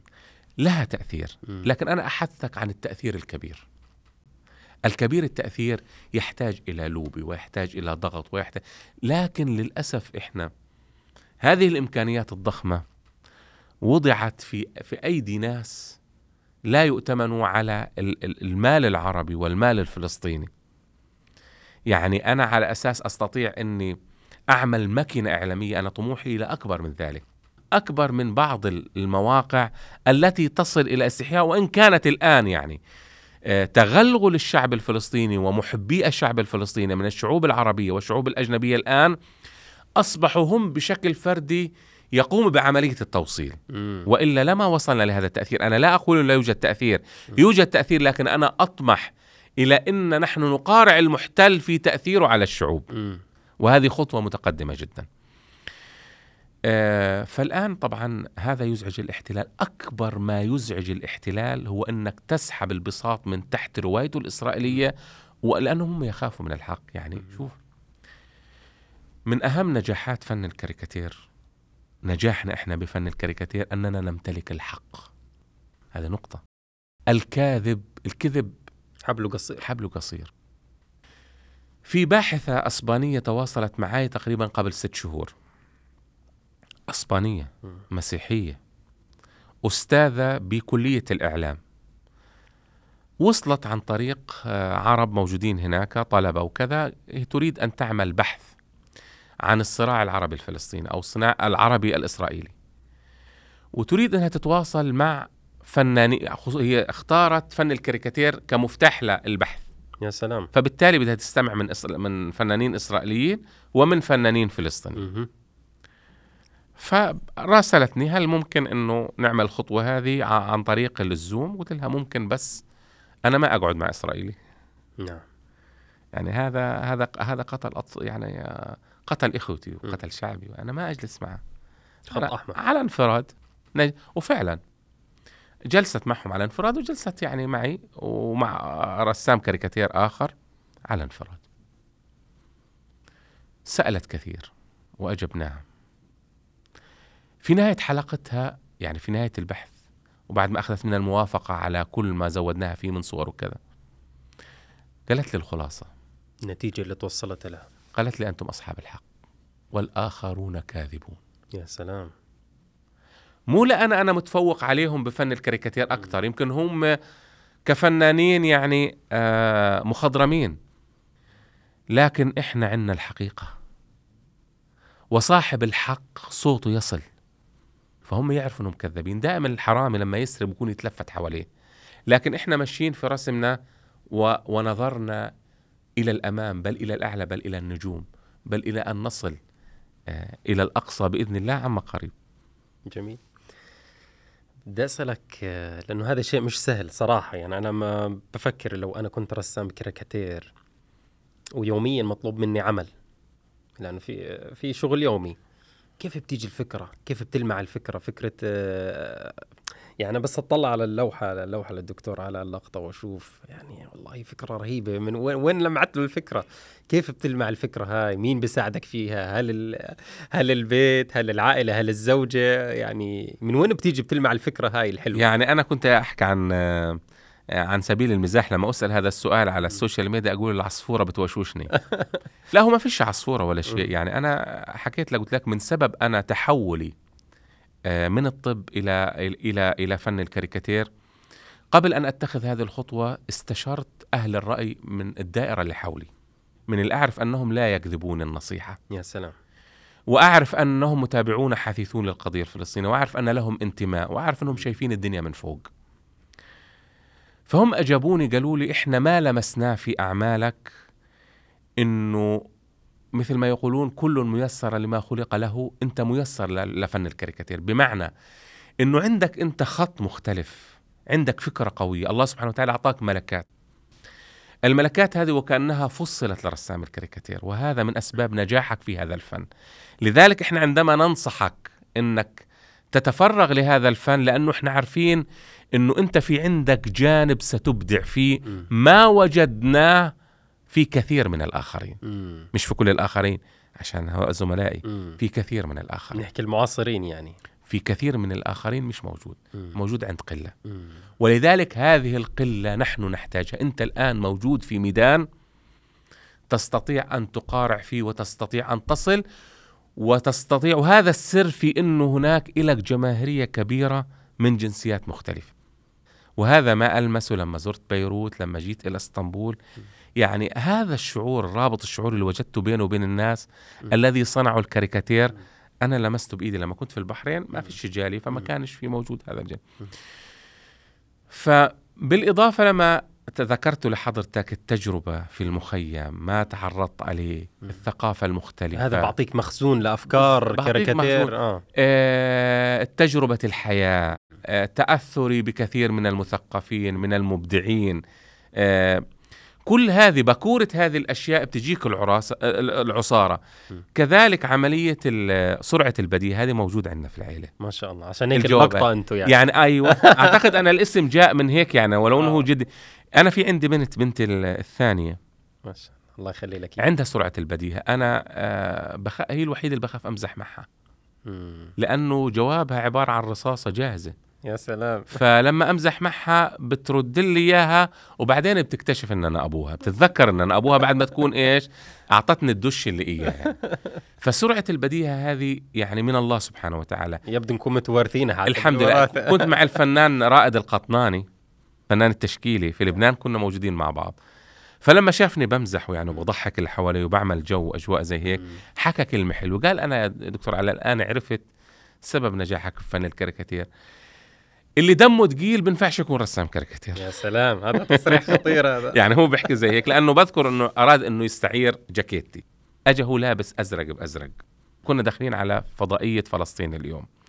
فشاف إنه جاكيتي بتليق على لبسه أكثر منه. فقال لي دكتور علاء ممكن تعطيني الجاكيت أشخص فيها؟ اطلعت فيه لقيته زي العود. يعني حتزبط هاي. يعني فقلت له والله بعطيك إياها يا وإحنا نازلين على قلت له خدها بس خلي بالك قال لي إيش؟ قلت له حتكون دقيقة من عند الركب عندك.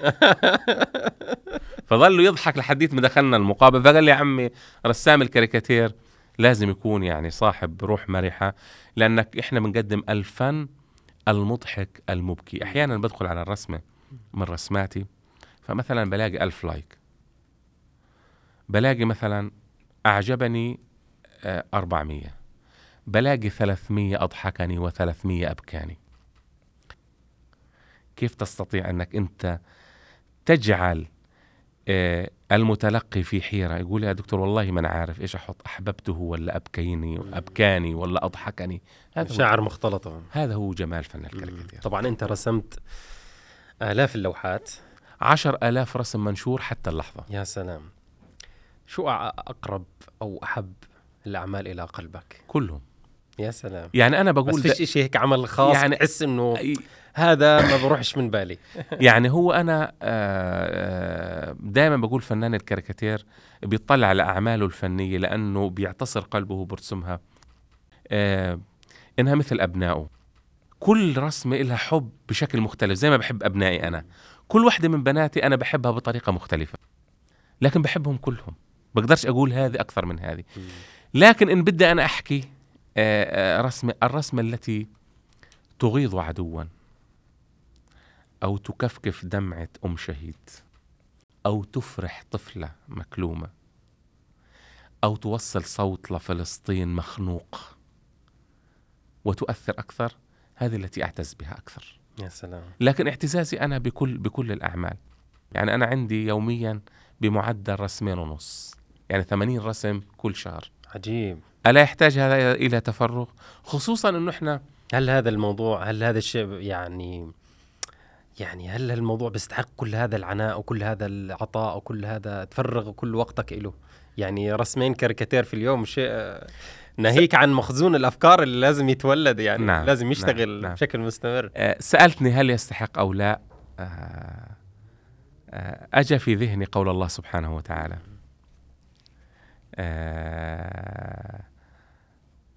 يعني الذين لم ما ما أصابهم نصب.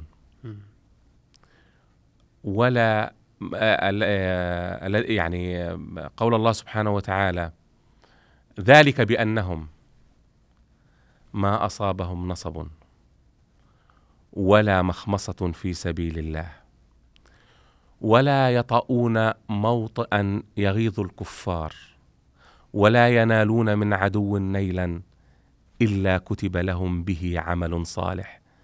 إن الله يحب المحسنين. وأنا أحب أكون من المحسنين. ما شاء الله ما شاء الله. الله يكرمك. طيب يعني في سؤال بيجي ببالي. أنت طبعا بع... أنت متأثر كثير في مدرسة ناجي العلي. متأثر في نعم. بداياتي لكن أنا أتكلم في نقطة مهمة جدا. ناجي كفنان هو مدرسة وجدانية. امم كيف يعني مدرسة وجدانية؟ مدرسة وجدانية أتشرف بالانتماء لها أن هذا الرجل صاحب مبدأ وقضى وهو يدافع عن منهجه. وأن رسوماتنا تبقى كعرائس من الشمع. فإذا متنا في سبيلها دبت فيها الحياة وكتب لها الخلود. هذه المدرسة الوجدانية التي أنتمي إليها. لكن فنيا شو تأثرت لكن فنيا كل فنان. يجب أن يكون له بصمة اسلوبه الخاص وبصمته الخاصة. مم. ناجي العلي هو ناجي العلي وعلى اللقطه هو على اللقطه بمعنى أنا أنتمي له وجدانيا وهو قدوتي وحنظل ابني مم. الذي أنافح عنه وأكمل المسيرة. لكن أكملها بمسيرتي ليش؟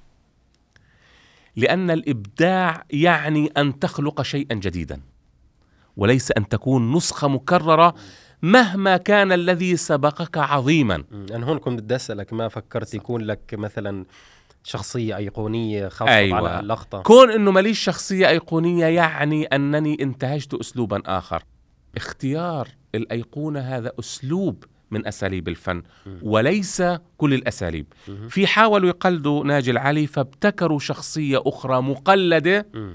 فماتت أعمالهم لأنه حشر كل أفكاره مم. في هذه الشخصية وشخصيته لم تضاهي ناجي العلي ولذلك ماتت هذه الشخصية بدون ذكر أسماء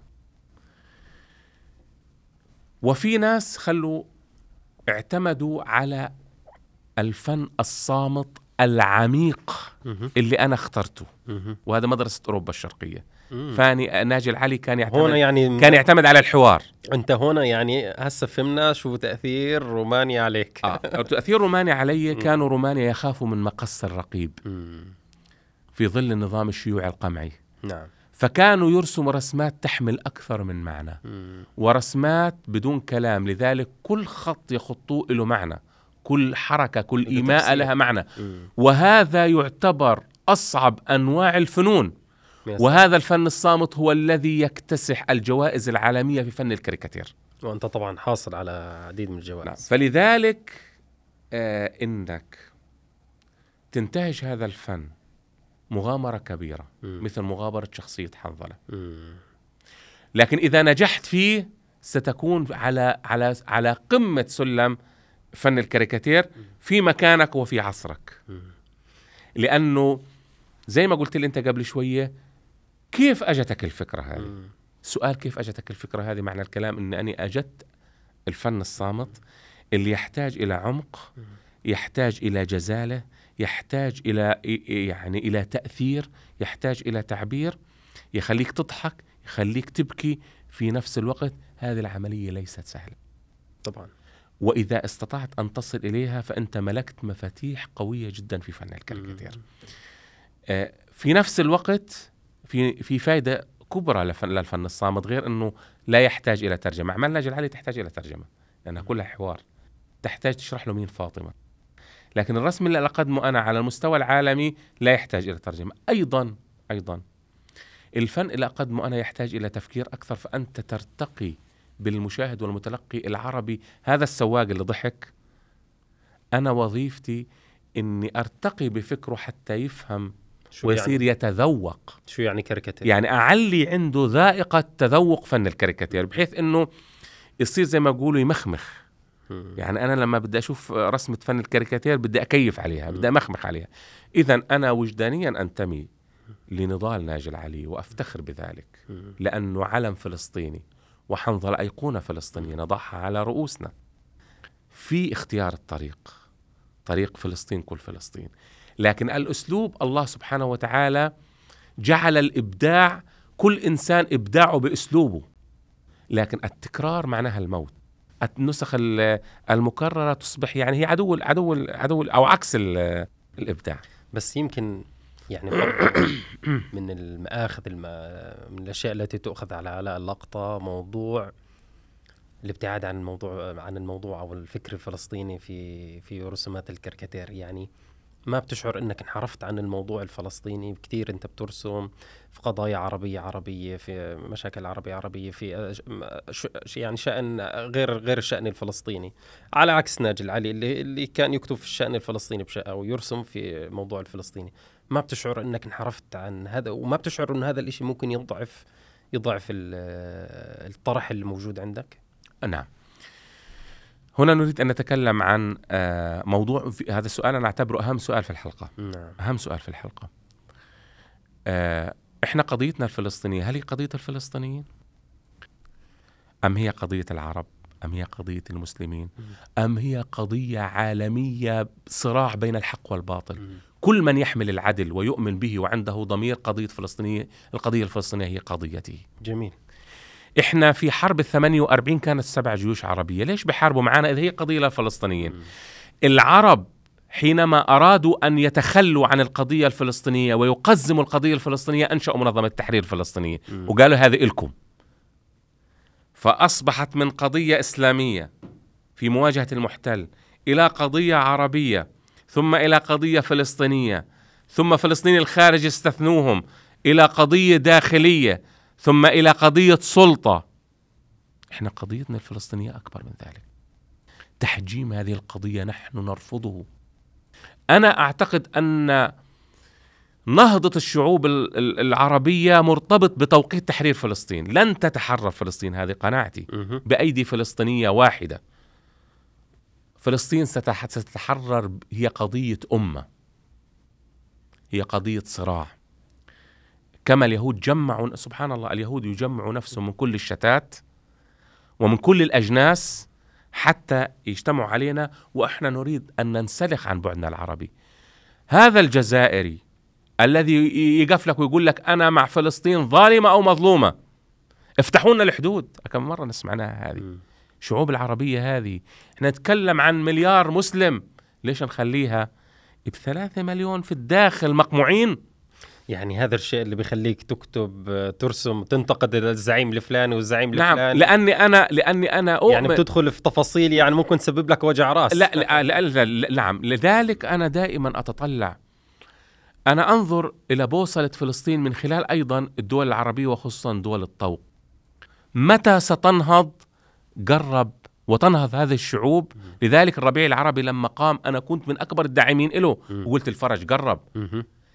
لأنه ربنا في القرآن قال بعثنا عليهم عبادا لنا أولي بأس شديد فجاسوا خلال الديار. العباد هم فلسطينيين؟ من وين جاءت هذه؟ إحنا قضيتنا قضية أكبر من ذلك. أنا أرفض تحجيم القضية الفلسطينية. لذلك أنا أزعل جدا لما واحد يقول لنا إحنا إيش دخلنا في الثانيين. لا قضية فلسطين هذه قضيته. ومثل ما هو ينصرني بالقضية الفلسطينية أنا بدي أنصره على الظلم اللي في بلده. أنا في البداية لأن أنا دافع عن حق وعن العدل في فلسطين. يجب أن أكون أنا منارة للحق والعدل. أنا قضيتي مش محصورة في فلسطين وبس. أنا إلها بعد إنساني. أنا لما أشوف إنسان في نيكاراغوا مثل ما قال في المسرحية يظلم فقضيته قضيتي. أنا مع العدل في ربوع العالم. لذلك أنا لما يصير حريق في الجزائر أو انفجار في مرفأ بيروت أو حرائق في في المغرب أو آه، غارة في العراق أو زلزال في اليمن أو قارب يغرق في بحر إيجا. هؤلاء من دمي هؤلاء أبنائي أينما ذكر اسم الله في بلد عددت أرجاءه من لب أوطاني. أنا فلسطيني. خلينا نبدأ. غزاوي فلسطيني عربي مسلم إنسان. فكل هذا يهمني. غالبا اللي بيقولوا لي خليك في حالك وسيبك من القضايا العربية. خليني أقول لك نسبة 90% كنت أدخل على صفحاتهم أراهم أنهم هم مع النظام الفاسد هذا اللي أنا أحاربه. لكن يغلفوها خليك في أنا هذا السر بس بيني وبينك. 90% هذا كنت أنا كنت أدخل مع آه المشاهدين يعني أنا كنت أدخل أقول بدون تحامل يعني. أنت من حقك تنتقد. آه بس دول بنتقدوا على أساس إنه خليه آه، آه، صاروا يتهوبوا لأنه آه، آه، تدخلوا عسكريا في لبنان المنظمة وتدخلت عسكريا في الأردن وكان اليوم الأسود وكان في مجازر. آه أنا بتكلم عن السياسة لكن هذا مش معناه إن أنا أتوقف عن دعم العدل. طيب بلاش. بس هذا الإشي ما ناجي العلي ناجي العلي ليش رفض كام ديفيد؟ ما هذه أنا نفس على نفس ال- المنطق. هذه اتفاقية مصر دولة آه، مستقلة ذات سيادة عملت اتفاقيات مع إسرائيل. إيش دخلك أنت؟ ليش يا ناجي العلي كنت ترسم ضدها؟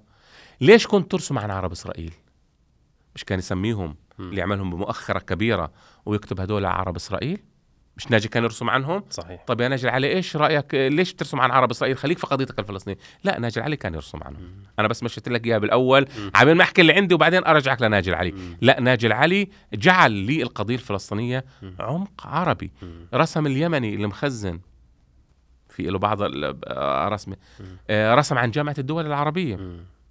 آه، لذلك إحنا يعني في أصوات. لا إذا أنت مثلا خايف إن أورطك أول إشي مش أنا محمود عباس يعني مش أنا رئيسك الرسمي يتحاسب الشعب الفلسطيني عليه. الرسامون والفنانون هم القادة الطوعيون للجماهير. أنا مش يعني أنا لا أمثلك يعني إنك تتحاسب عني. يعني أنا مش رئيسك الرسمي أنا مش سياسي.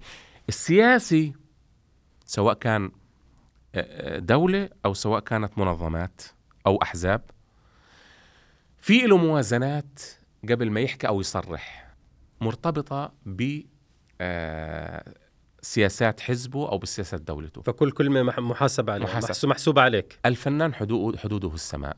إحنا ما فيش لنا رتوش. بس هذا ما سبب لك مشاكل طبعاً. ما جاب لك وجع طبعاً سبب. يعني شو يعني شو شو المضايقات اللي تعرضت لها؟ هل في سفر كذا؟ شو. شو الأشياء اللي تعرضت لها بسبب كثير, هذا الموضوع؟ كثير, كثير يعني. يعني أنا تعرضت للتحقيق قبل هيك بأكثر من مرة. أنت يمكن ثلاث أرباع الدول العربية مسكرة. لا- لا- لا لا- التهديد ح- بط- بطريقة أو بأخرى لا التضييق. أم، لكن في ثمن كبير عندك لك- لكن يعني هو اللي اللي اللي بده يشتغل لقضية فلسطين بده ياخذ جارانتي إنه لا يشاك. بالعكس. هو طبعا رسم الكاريكاتير بطبيعة بالعكس. مثير أنا أنا لو الكل رحب فيني وعاملونا على إني نجم معنى الكلام إنه أنا قد حدت بريشتي حدت بريشتي عن طريق الحق. وبالتالي أنت ابتعدت أكثر عن الجماهير. وابتعدت أكثر عن الجماهير مم. لأنه يعني هذول ما لا حيرضوا عني إلا إذا أنا كنت يعني آه بعت القضية مثلهم. ولذلك حينما يضيق علي حين أنا يعني تركت دول كثير يعني وخرجت من هنا ومن هنا ومن هنا يعني كانت من من أهم أسبابها أنني أريد فضاء أوسع لريشتي مم. أريد أن أستمر آه، في أداء رسالتي فلهذه الأسباب وكلها أنا متأم يعني في أشياء أنا ممكن أو بعض الانتقادات التي تصل إلي أو بعض الوصايا يعني أنا يعني أنا مش أعتبر لنفسي أن أنا منزه عن الخطأ لا آه، أصحح وكذا لكن في بعض الأشياء كلمة حق يراد بها باطل إحنا قضيتنا الفلسطينية قضية العرب قضية المسلمين قضية المسيحيين قضية كل إنسان ايا كانت ديانته لكن إذا كان يؤمن بالعدل. آه، هؤلاء اللي اللي اللي وقفوا سكروا المصنع الأسلحة الإسرائيلي في إيرلندا نعم. مسيحيين وأجانب. نقول لهم لا تتدخلوش في شاننا الداخلي إحنا قضيتنا الفلسطينية مع المحتل. ما هو هذا على نفس المنوال. هذول أجانب. يعني ما هو أنت بالمثل بدكاش تتدخل في حد ما حدش يتدخل فيها في قضيتك. وهيك اليهود يستفردوا فينا وهيك العرب يريحوا راسهم منا وتيتي تيتي زي ما رحت زي أو خلصت الحدوته يعني. نعم. وعلى سيرة القضية آه، وين شايف القضية رايحة اليوم؟ وين شايف البلاد؟ لوين رايحة الأمور؟ كيف رؤيتك كفنان كاريكاتير؟ يعني تتعامل بشكل يومي مع الهموم الشارع الفلسطيني مع المشاكل مع ال... نعم. يعني أنا في سنوات عمري هذه الأيام هي الأصعب. وأنا أعتقد دائما كل ما زادت الأيام صعوبة كل كلما اقترب الفج- الفرج. نعم. وأشد ساعات الليل حلكة هي التي تسبق انبثاق الفجر. فأنا على يقين أن الفرج قريب. وأنا أراهن على الشعوب العربية أنا أتحدث عن الشعوب العربية. الشعوب العربية تتعرض لظلم كبير لكن هذا الظلم لم يمحو محبتها للقضية الفلسطينية. آه، المساندة والوعي في الأجيال القادمة التي نحن نراها هذه كلها تبشر بخير. أكثر من جهة أو أكثر من سبب يجعلني متفائل بأن الفرج قريب وبأن تحرير فلسطين أصبح قريبا سواء في أم في شعبي أو في أمتي أو سواء في تصدع الجبهة الداخلية للاحتلال. كل هذه مبشرات على أن القضية الفلسطينية اقتربت. لكن هل أشغل نفسي كثيرا أنا بهذا؟ لا. أنا لدي دور. نعم. سوف أؤدي هذا الدور على أكمل وجه وأعلم أن الله يجازي على البذل وليس على النتيجة. نعم.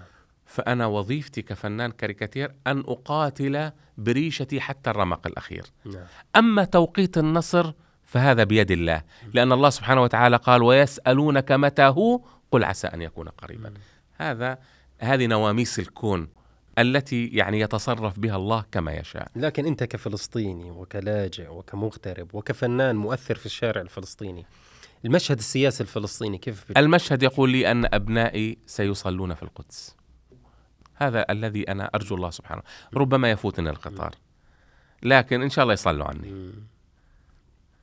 إن شاء الله يصلوا ويذكروني بخير طيب دكتور علاء يعني متى نعبر جسر العودة والتحرير إلى الفالوجة والبلاد؟ إن شاء الله. إن شاء الله. بس خلي بالك أنا إحنا محتفظين بالطابو لأنه أراضي الوالدة اللي ورثاها عن جدي الله يرحمه كثيرة. مم. فحتى ما يجينا حد من عراق المنشية ويقول هذا الأرض إلنا. يعني ترى ونفتح حرب ثانية. هي ترجع بس آه، بس ترجع. لا هم كلهم بيقولوا هيك يعني. هي ترجع. ما أخواننا المغاربة بي- بيمزحوا بيقولوا إحنا إلنا حارة في القدس. حارة المغاربة. قلنا يعني إحنا حنخلص من ال... بدكم تاخذوها تعالوا خذوها الآن. بدكم ياخذوها الآن. مش لما إحنا نحررها. تيجي تقولوا في إلنا حارة. نحررناها إحنا صارت إلنا. إن تيجوا تكاتلوا معنا حياكم الله. حقيقة بتصير لكم نعم. أما إحنا نقاتل لحالنا فكنت أرد عليهم هيك وإن شاء الله هي يجوا يقاتلوا معنا إن شاء الله. وإن شاء الله تكون إن كنا وإن شاء الله هذه الحدود إلى زوال. إن شاء الله يعني آه، نفطر في إسطنبول ونتغدى في بيروت ونتعشى إن شاء الله في القدس. إن شاء الله. بإذن وما ذلك على الله بعد. إن شاء الله إن شاء الله. دكتور علاء يعني شرفتنا واسعدتنا في جسر بودكاست.